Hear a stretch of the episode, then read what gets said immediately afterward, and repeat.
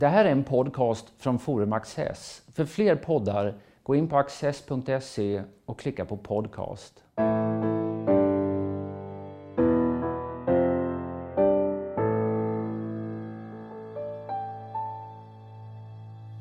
Välkomna till Studio Access.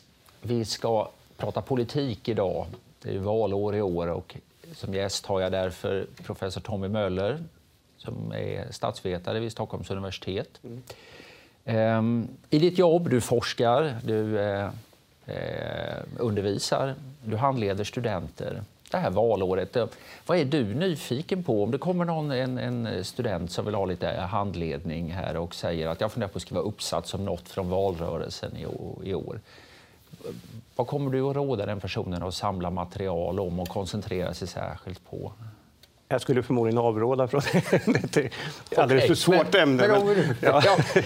Nej, men skämt åsido. Jag, jag, jag, den nyss påbörjade KU-granskningen av, av, Transportstyrelsen är ju en statsvetenskaplig spännande fråga på många sätt. Det är inte bara KUs roll rent konstitutionellt är värd att studera, tycker jag. Väldigt partipolitiserad parlamentarisk granskningsprocess som ändå har blivit lite bättre den här mandatperioden tycker jag eftersom man har kunnat uh, försöka man har försökt och man har lyckats nå en bred samsyn flera gånger i, i sin granskning av regeringen. Så har det inte varit tidigare, utan det har varit väldigt partipolitiskt. Och det är också naturligtvis själva Transportstyrelseskandalen är ju naturligtvis också värd att studera i sitt eget, för sin egen skull. För att det är ju ett uttryck för en ganska dramatisk förändring av eh, statsförvaltningen i Sverige, som det här exemplet visar. Mm. Där man lägger på från eh, de politiska Eh, institutionernas sida mer och mer uppgifter och mål som myndigheterna ska, ska fullgöra. Och, och utan att kanske alltid tillföra resurser och så och förklara vilka mål som ska sättas före andra. Och som rättsvetare har påpekat så går ju det ofta ut över någonting som alla tar för givet, nämligen laglydnaden. I det här fallet så är det väldigt tydligt för det. Alltså, Transportstyrelsen hamnar i ett så, så trängt läge där så att för att kunna eh, klara de mål som man var eh, skyldig att göra så var man tvungen att runda lagen och det gjorde man ju helt öppet och skamlöst. Mm. Eh, det här är ju uppenbart en intressant fråga, men eh, man kan säga att den handlar om saker som redan har inträffat. Om, om eh, din student skulle följa någonting i själva valrörelsen, kampen om valsegern, Ja, då är det bättre att göra det när man vet hur det går. Så att säga. Men, men, man kan bara samla ja, material ja, redan under resans gång. Eh, nej, men vi har ju en väldigt kaotisk situation i svensk politik. Vi har ju ett nytt politiskt landskap som har uppstått under de senaste åren kan man säga. Som kullkastar många av våra etablerade tankefigurer om, det om hur det fungerar. Eh, och, ja, det gäller allt från regeringsfrågan till de politiska konfliktområdena. Så att det, det är nya frågeställningar som dyker upp. Och, ja, bara en sån här sak som hur kommer riksdagen att se ut efter valet? Idag har vi åtta partier, vi kanske har nio partier eller kanske fem. Det, det är en helt öppen fråga. Det är nästan i, i dagens läge helt meningslöst att gissa vilka som i så fall kommer att sitta i riksdagen och hur storleksrelationerna ser ut. och så. Om man tittar på hur de stora partierna, eh, nu när Moderaterna har liksom, eh, kommit tillbaka i matchen igen, här, de, de båda stora partierna, Socialdemokraterna och Moderaterna, hur de tänker sig valåret så har ju båda de nyligen eh, presenterat en sorts valstrategier. Och, eh, när det gäller vilka frågor man ska driva så säger då Socialdemokraterna välfärd, lag och ordning och integration. Medan Moderaterna säger sjukvård och skola, lag och ordning, invandring och integration och så lägger de till en fjärde, ekonomi och jobben. För många människor måste ju tänka... Sen utnämner i alla fall Socialdemokraterna och Moderaterna till huvudmotståndare. Men en naturlig reaktion är de tycker ju likadant. Ja, alltså vad är det som gör att frågor hamnar som viktiga valfrågor? Det är ju Eh, det måste ju vara relevanta frågor som tillräckligt många eh, människor tycker är viktiga för, för deras vardagsliv. så att säga. Och det måste också finnas relevanta partiskillnader, alltså konflikter mellan partierna. Det, gör, det finns ju skilda synsätt i alla de här frågorna du räknar upp, eh, dock inte mellan de här partierna så mycket. Och det är de två huvudkandidatpartierna eh, till regeringsmakten, så att säga. Eh, så det där är, alltså, och det är ju inte frågan om en triangulering vi ser här när Socialdemokraterna lägger sig väldigt nära Moderaterna i de, de här lag och ordning-frågorna till exempel. Eh, utan det är ju snarare att man accepterar problembeskrivningen och dessutom lösningarna. Man hade liksom, som någon påpekade häromdagen, inte någon egen, e, några egna lösningar utan man ligger alltså, som du underförstått påpekar här, väldigt nära varandra. Och det är klart, vad betyder det för en valrörelse? Jag, jag har ju svårt att tro att man hela valrörelsen från nu och framåt kommer att prata bara om de här frågorna. Det är möjligt att man från Socialdemokraternas sida tänker sig att man måste, man måste ta upp de här frågorna först och, och, och klara ut den debatten och sen senare i valrörelsen växla in på de mer traditionella höger-vänster-frågorna. Det, det, är ett möjligt scenario. Sen är det också väldigt avhängigt. Säg att det inträffar ett nytt terrorattentat till exempel. Det kommer ju att definiera hela valrörelsen.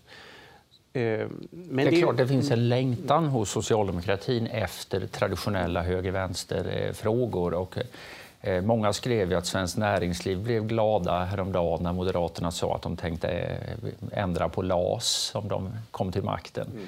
Men det är ju inget mot hur glada de blev på LO när de äntligen fick en ordentlig polariserande konfliktfråga i det här traditionella perspektivet. Där har du ett exempel på en fråga som kommer att kunna bli väldigt stor, absolut. Och det är en traditionell vänster-höger-fråga. Om man tittar på de här prioriteringarna, man kan alltid dividera hur mycket man ska fästa sig vid dem, men det, det finns subtila skillnader eh, emellan dem. Eh, för Socialdemokraterna talar hellre i mer allmänna ordalag om välfärd. Moderaterna talar om skola och sjukvård just. Så att säga. Här finns också det här med transfereringssystemen som är en socialdemokratisk fråga. Som, och där Moderaterna kanske då är mer kritiska. Tror du att det där kan bli någonting som, som, som blir eh, hett debatterat? Eh, det är svårt att säga. Det, vad som händer när partier ligger varandra nära i fråga om övergripande målsättningar.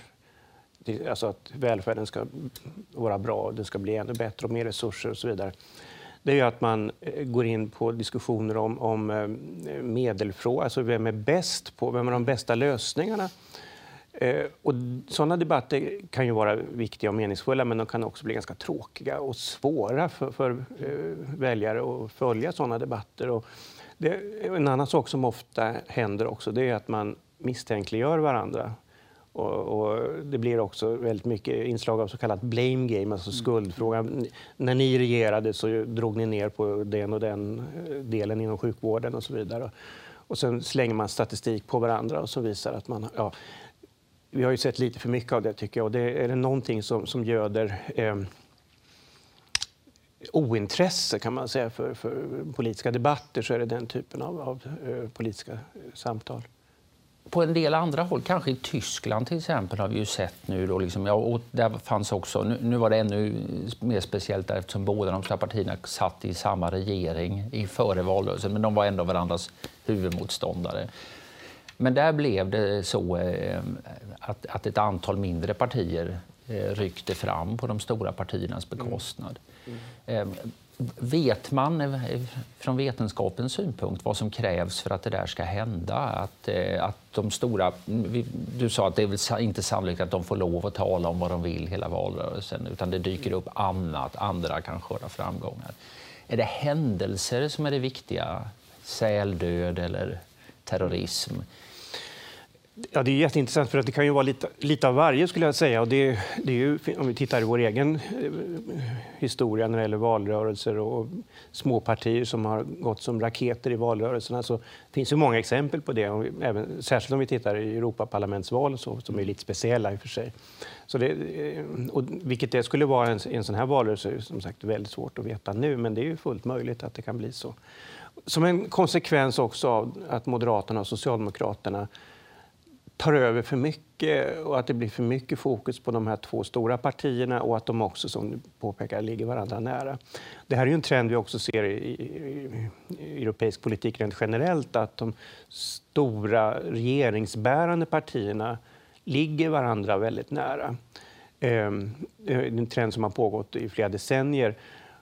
Det finns eh, studier som visar att eh, det spelar inte så oerhört stor roll vilka som regerar, om det är center-högerregering eller center-vänsterregeringar. Det blir ganska lika utfall. Nu är det lite metodproblem att göra den typen av undersökningar mm. för det skulle kräva att man hade haft samma regeringar parallellt. Så att säga. Men, eh, sen kan man också, om man studerar valmanifest och partiprogram och sådana här saker, så, i den mån sådana finns, det är inte alltid det gör det, så kan man också se en konvergens. Alltså det har att göra med globaliseringen och sådana saker och att den här avideologiseringen som vi pratar om ofta äger rum och att eh, politiken liksom blir mer handfast än den har varit tidigare. Går vi tillbaks ganska långt nu i tid så, så hade vi mycket mer ideologisk vitalitet i valkampanjerna överhuvudtaget i politiken.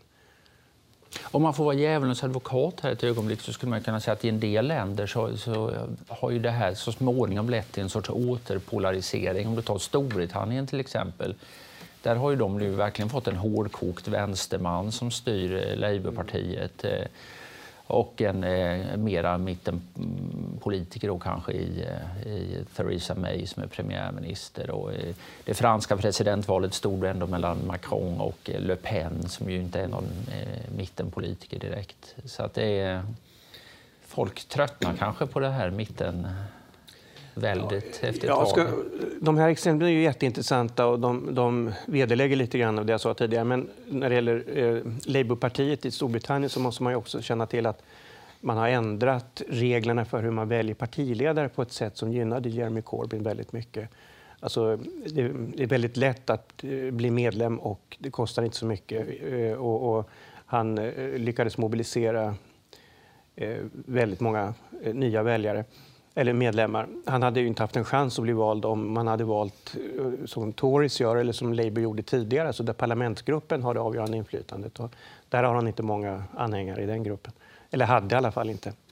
Det kommer nyhet idag om att 25 000 eh, nya personer har blivit medlemmar i tyska Socialdemokraterna de senaste tiden här. Eh, och uppenbarligen då i syfte att kunna i medlemsomröstning säga nej till den här stora koalitionen. Eh, jag vet inte alls hur långt det kommer att förslå, och sånt där. men det är ju en annan intressant... Eh, eh, ja, det för oss iväg lite på en tangent här, men när partierna blir så väldigt små då blir de ju också väldigt sköra och möjliga att ta över för utomstående intressen. Ja, vi har ju några trender när det gäller partier generellt. Vi talar om att de blir mer toppstyrda och att de får färre medlemmar. Det kanske finns ett samband där. En annan skillnad i de här eh, valmanifesten, eller vad man ska säga, eh, valstrategierna, det är ju att Socialdemokraterna i den betonar att vi går till val som ett eget parti. Och medan Moderaterna eh, skriver att vårt mål är att en moderatledd alliansregering. Parti mot allians. Vad, vad gör du för reflektioner om det? Ja, man kan väl konstatera att det finns väl, tror jag, i den nuvarande regeringen en viss trötthet över regerandet, alltså samregerandet. Det är ganska uppenbart att det finns ganska tydliga konflikter och har funnits egentligen hela tiden i viktiga frågor. Jag har svårt att tro att den här S-MP-regeringen kommer att eh, sitta kvar efter valet, egentligen oavsett hur det går, på att säga. Men att Socialdemokraterna väljer att gå fram eh, självständigt, det, det, är inte särskilt oväntat skulle jag säga. Det, är, hade varit väldigt svårt för dem att göra annorlunda.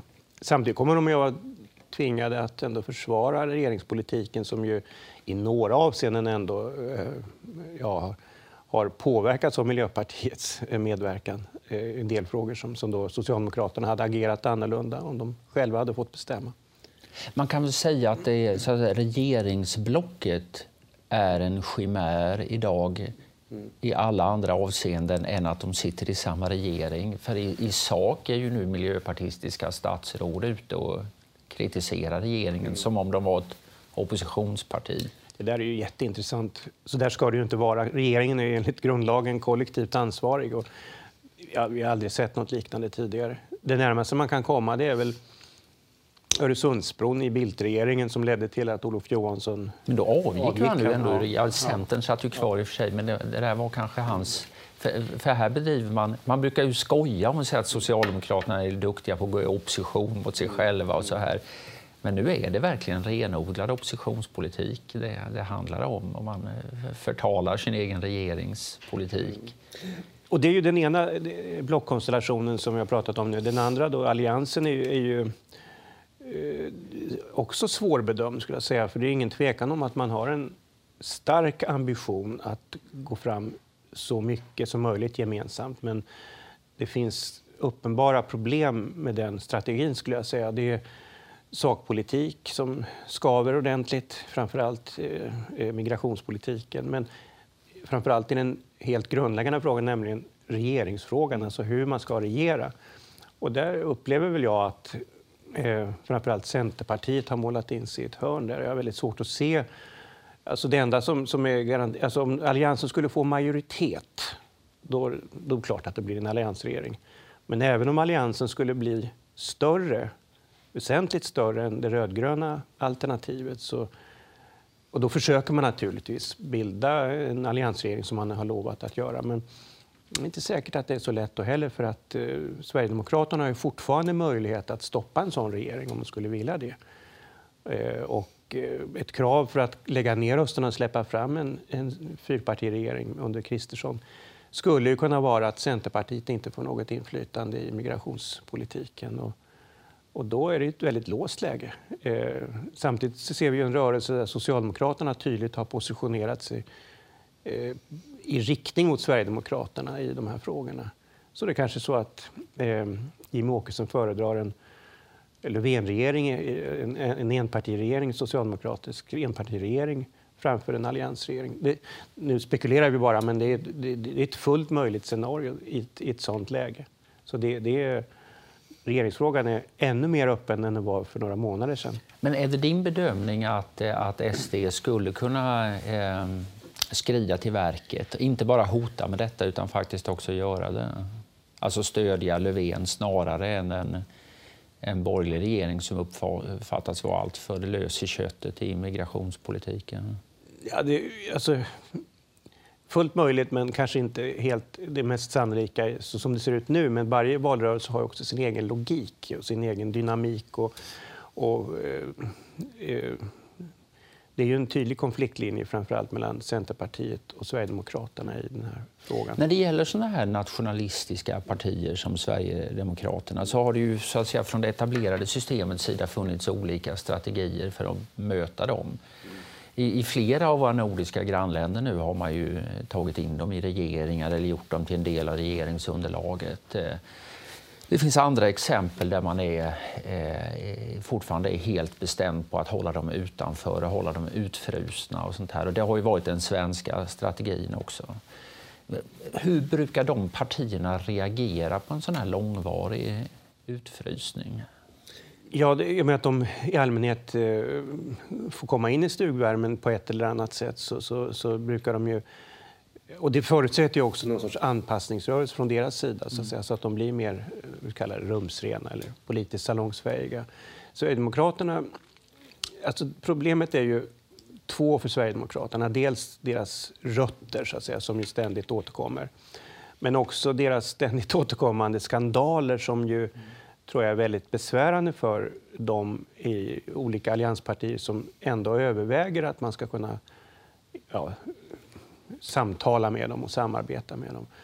Eh, för det eh, ger ju intryck av att det här är ett väldigt omoget och opolitiskt parti som inte riktigt är vuxet, trots att man har suttit nu snart åtta år i riksdagen. Så att det, vi har kanske kommit till en gräns där eh, allt fler börjar liksom uppmärksamma de här skandalerna. Alltså man har ju sagt tidigare att trots alla skandaler så, så går det så bra för Sverigedemokraterna. De går hela tiden uppåt.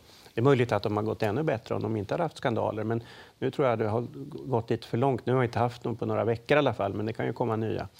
I höstas fanns det ju flera skandaler. Mm. Och de är av lite olika slag också. Det handlar, rent, alltså det handlar om rättshaverister, det handlar om brottslig, eller misstänkta av brott och det blir rättegångar och sen är det politiska uttalanden som gör att man utesluts. Så, så det är hela skalan av, av händelser som, som inte ska hända i ett, i ett etablerat moget parti. För det är ju ingen tvekan om att det är Sverigedemokraternas önskan att liksom röra sig åt det hållet. Mm. För jag tänker att eh, just den, jag tänker just på den här regeringsbildningsfrågan. Kanske också på, som en lite diskuterad fråga, nämligen talmansvalet som ju ska äga rum eh, innan regeringen ska bildas. Men jag, jag tror det finns hos många borgerliga sympatisörer och politiker ändå känslan av att när det kommer till kritan så kommer Löfven att välja oss snarare, eller vad säger jag, förlåt, Åkesson kommer att välja oss snarare än Löfven. Att man tar dem för givna. Eh, och, och, att det ska bli en sorts repetition av hur det såg ut 2010 till 2014. När, mm. Alltså Reinfeldts andra period, där man ju ändå i, ja, i högre grad hoppades på dem från borgerligt håll. Mm. Jag bara funderar på liksom, om man fortsätter med den här utfrysningsstrategin, vad, hur, vilken blir till sist sannolikheten för att de börjar bli rätt obstinata och tycka att det här är ett oacceptabelt och bli tagen för given på det här sättet? Man såg att Vänsterpartiet skulle sitta i fickan på Socialdemokraterna för all framtid men till sist 1990 brast och så var de med och fälla en socialdemokratisk eh, regering. Och det kanske satt längre inne än vad det gör för Åkesson att fälla en, eller omöjliggöra en regering där Centerpartiet eh, ingår. Ja, det är en väldigt spännande fråga och svår att svara på naturligtvis. Vad händer med Sverigedemokraterna om de, ja, i ett läge där de också eh, alltså, faktiskt kan göra anspråk på att ha inflytande. Så de, för det är ingen tvekan att de kan avgöra vem som ska bilda regering. Jag tänker på alla, alla, eller, alla de etablerade partierna i övrigt säger ju att de ska inte få något inflytande. Ja. Men hur ser egentligen ett scenario ut där SD inte har inflytande över regeringsbildningen? Ja, då är vi tillbaka till decemberöverenskommelsen, egentligen någon variant ja. av det. Då. Eh, men eh, som både Liberalerna och framförallt Centerpartiet hela tiden upprepar att de kommer inte att ingå i en regering som eh, är beroende av Sverigedemokraterna. Och det där beror på vad man menar med beroende, men de är ju beroende av att Sverigedemokraterna lägger ner sina röster redan när man ska välja regering, välja statsminister, eh, som det ser ut nu, alltså om inte Alliansen får majoritet. Eh, och sen är man ju också beroende av att Sverigedemokraterna inte tillsammans med Socialdemokraterna är större än Alliansen när man ska rösta om budget och andra eh, lagfrågor och så vidare. För då blir ju varje votering en rysare. Eh, så beroendet till Sverigedemokraterna är de facto, det är ingenting att det finns. Och så att, som, som, du antyder här, att man fortsätter att ignorera partiet, så är det klart att ett fullt möjligt scenario är att man blir bråkigare och mer obstinat och, och att man spelar ut eh, eh, olika partier mot varandra. Och, så. och en annan aspekt på det här med vad som händer med Sverigedemokraterna det är ju vad händer nu när Moderaterna så framgångsrikt har börjat återta väljare som har gått från M till SD och som nu kommer tillbaka? Hur påverkar det den interna dynamiken inom, inom eh, Sverigedemokraterna? Eh, radikaliseras man i sina eh, politiska förslag när det gäller migrationspolitik och integrationsfrågor till exempel? Eller Ja, det är ju fullt möjligt att man gör det och då gör man ju det kanske ännu svårare att, att bli, bli ett uh, uh, samarbetsparti med andra partier. Det finns en del som menar att det här problemkomplexet pekar mot att det är mer sannolikt med en moderat regering, enpartiregering, än med en alliansregering. Ja, jag har själv eh, varit inne på den linjen att det, det kan mycket väl bli en sån, en, en sån, eh, så att säga, ett sånt resultat i ett väldigt låst läge. Det förutsätter ju då att eh, en sån regering är tillräckligt stor för att kunna överleva fram till en huvudvotering i riksdagen. När Ullsten ledde det här året, han var statsminister, en ren, som det då hette, folkpartiregering, då hade man ju bara 11 procent av rösterna. Man hade 39 mandat eller någonting sånt där och man blev ju då utröstad redan i eh, kontra eh, förpropositionen. Man kom aldrig till huvudvoteringen så att regeringen var tvungen hela tiden att införa andra partiers förslag. Eh, en sån situation kan man inte ha. Så finns en annan aspekt, en rent praktisk sak som, som Lars Tobisson påpekade i en artikel. att det kanske inte finns tillräckligt med talanger för att, i ett parti för att befolka en hel regering. För det är inte bara ett 20-tal statsråd som ska rekryteras utan det är ju minst lika många statssekreterare, ytterligare några alla dessa politiska sakkunniga och så vidare. Så att det, det kan bli rätt tomt på, på eh, eh, riksdagskansliet och på andra ställen när, om det blir en sån regering. Sen kan man ju ha andra ja, rekryteringsstrategier. Det har rätt i, men å andra sidan kan, eh, talar vi som en, som en självklarhet om att det ska kunna bli en socialdemokratisk mm. enpartiregering. Ja, det är sant. Så att det är samma problem där egentligen, även om det finns en större regeringsvana kanske inom det partiet trots allt. Historiskt sett ja, alla fall. Vad det betyder ja. idag det är svårt att säga. Men... Moderaterna har ju nu gått väldigt bra sen i oktober när de bytte partiledare. Eh, finns det en partiledareffekt trots allt? Eh, dina statsvetarkollegor i Göteborg som sysslar mycket med valforskning brukar mycket motvilligt eh, vara mycket motvilliga när det gäller att gå med på att det finns personkomponenter i politiken. Mm. Vad, vad, tror du om detta? Eller vad vet man om detta? Ja, det, det, mina kollegor i Göteborg har ju kunnat konstatera att i vissa val har det funnits tydliga partiledareffekter. Så att det, det är en viss, eh, viktigt att nyansera det där. Men generellt gäller ju att partiledarna som personer inte har så stor betydelse för partivalet. När man frågar just den frågan till väljarna, alltså hur stor betydelse har partiledare för ditt val? Man kan ju titta på andra data som finns eh, också i valforskningsprogrammet som visar att det här med att partiet har kompetenta företrädare är ett väldigt viktigt motiv. Det är det näst viktigaste motivet för partivalet efter eh, sakfrågorna, åsiktsröstningen. Så det, det, det är lite eh, en ganska splittrad bild från forskningen. Men när det gäller just Ulf Kristersson, han har ju varit ganska kort tid, men på den här tiden så har det gått osannolikt bra. Det är väl i huvudsak kanske en effekt ändå av att det blev ett helt annat eh, eh alltså in, humöret på de moderata eh, medlemmarna och aktivisterna eh, blev mycket bättre när, efter partiledarskiftet. För det var ju så att säga, ett parti i fritt fall kan man säga i somras, några månader innan dess.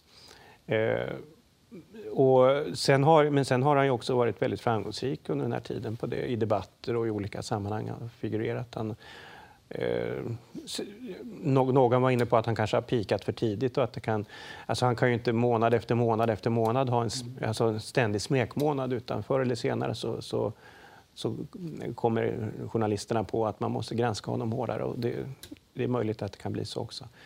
Men han är en väldigt erfaren politiker så att det, det är han säkert beredd på. Och det ska bli väldigt spännande att se om det här vuxna samtalet kommer att fungera under en hel valrörelse. Alltså ett tonfall i ett läge där det har blivit mer och mer hetskt i politiken, inte bara tack vare sociala medier utan överhuvudtaget det mediala formatet i dess helhet. Alltså, framtvingar ju den här ganska polemiska och ibland överdrivet hårda tonen, ska man säga. Och här är då ambitionen att, att eh, frångå detta, att alltså, prata vuxet som man säger och att liksom ta argumenten på allvar som motståndarna framför och inte vanställa dem och så vidare. Det vore ju fantastiskt om det gick och om det kunde också prägla hela valrörelsen. Alltså inte bara, inte bara Moderaternas valrörelse utan andra partiernas. Alltså min bild som enkel medborgare är att det finns ett ganska stort sug efter vuxna människor i politiken som kan resonera på ett vettigt sätt. Men hela dynamiken i en valrörelse pekar ju i annan riktning och det är klart att eh, Ehm, det kommer ju också bli så att Kristersson ställs till svars för varenda överord som någon moderat yttrar någonstans i riket. Så liksom, jaha, är det det där som är ett vuxet samtal? Så han, blir ju, han har tagit en risk på det sättet. Men du har hopp om att det kan höja alla inblandade ett snäpp? Jag delar dina uppfattningar. Jag har själv också... Eh, alltså, jag kan väl ärligt säga att många gånger när man sitter och tittar på en partiledardebatt så, så blir man så trött på det så att man kanske byter kanal. Ja, men det ska man inte göra när man tittar på Access TV eller när man får tillfälle att lyssna på Tommy Möller. Stort tack för att du har varit med oss. Tack så mycket.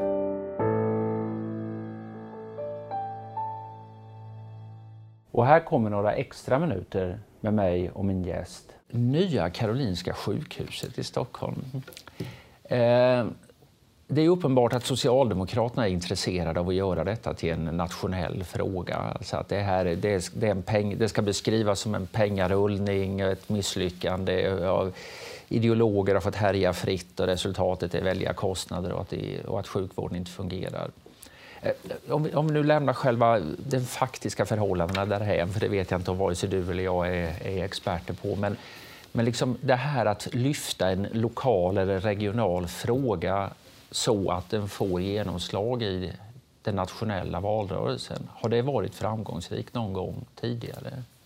Det har ju då och då förekommit eh, varianter av såna här eh, alltså, lokala exempel och det är klart att eh, det är ju, förutsättningarna är nog ganska goda för, för, för, att få den här frågan att lyfta ordentligt. Eh, just i perspektivet av att man vill kritisera en, som man upplever, överdrivet eh, långt genomförd privatiseringsstrategi med all, alla de brister som man då menar har fört med sig.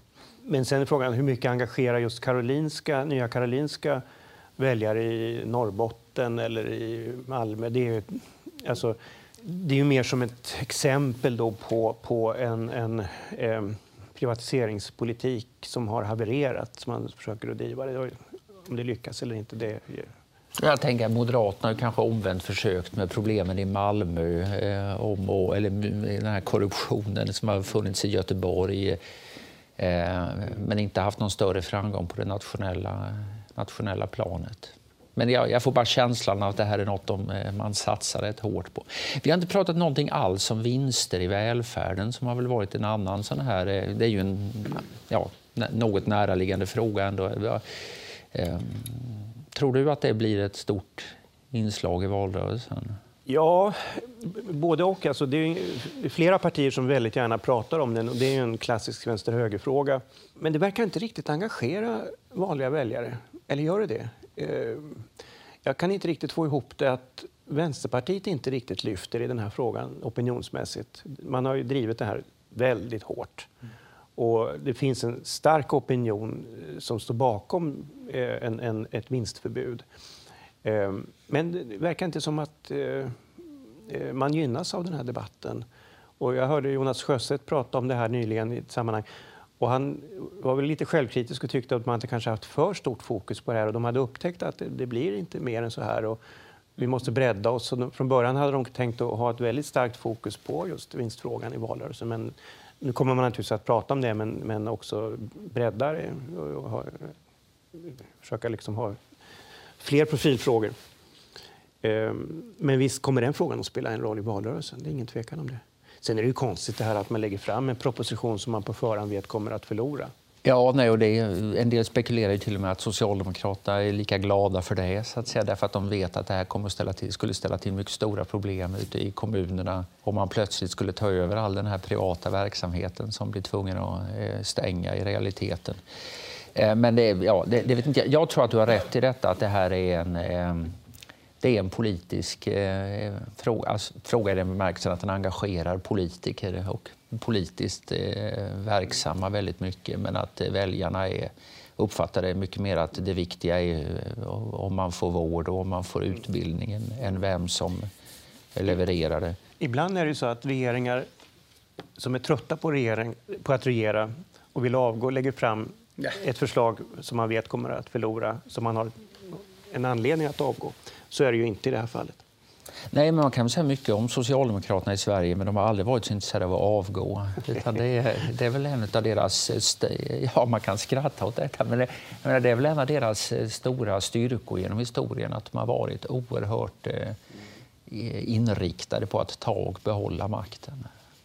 Och man kan ju alltid säga att de, även om man inte kan uträtta så mycket med den själv så förhindrar man åtminstone sina motståndare att eh, göra någonting. Vad vet man numera om ekonomin och, och eh, valresultaten, samhällsekonomin? Det, var, det fanns ju gamla sanningar om att när det gick bra så blev man omvald, när det gick dåligt så blir man inte omvald. Det, det där verkar mindre och mindre giltigt. Det är min eh, amatörmässiga bedömning. Finns det forskning om detta? Ja, alltså ekonomin är ju det kanske viktigaste sakområdet när man bedömer regeringsduglighet eller föreställningar om regeringsduglighet. vi vet ju att eh, väljare både har en tendens att eh, blicka tillbaka, se hur har regeringarna skött sig, men också och på basis av dessa tillbakablickar eh, ha framåtblickar där man gör bedömningar vilket alternativ eh, kommer sannolikt att vara bäst att sköta landet så, eh, i största allmänhet. Och då är det klart att den ekonomiska politiken är ju det helt centrala egentligen i de avseendena. Så att, eh, men det här eh, som du beskriver, alltså, eh, man förlorar nog val snarare än vinner val på ekonomi. Alltså när det går då, riktigt dåligt ekonomiskt så, så är det, då missgynnas regeringar i allmänhet. Ehm, och däremot omvänt, om det går riktigt bra så, så är det inte alltid en eh, självklar fördel, eller en viss fördel är det, men, men inte säkert att man kan eh, få, få eh, som resultat att man gör... Då tycker väljarna att man kan kosta på sig och pröva ett annat alternativ. Vilket betyder att regeringar aldrig kan bli omvalda. Antingen går det dåligt och då är det kört eller så går det bra och då kan motståndaren få chansen. Ja, jag tänker mer att det är, man, man ser ju lite nu skakningar i ekonomin här, även om börsen inte ska blandas ihop med den faktiska eh, ekonomin. Så, eh, har det ju funnits en känsla av ett tag att eh, den här långa högkonjunkturen kan vika för, och kommer att vika förr eller senare. Och att det kan få även politiska konsekvenser. Det kommer det säkert att få, men, men det, ja, om inte det sker någon, någon eh, helt oväntad händelse innan valet, eh, alltså fastighetskris eller bostadskris eller alltså, om den här börsnedgången som vi nu har bevittnat bara de senaste dagarna här nu, om den skulle bli ihållande och väldigt dramatisk. Klart att sådana saker kan ju förändra det eh, partipolitiska läget naturligtvis också. Som så ofta får man konstatera, vi får se. Tommy Möller, tack så hemskt mycket. Tack.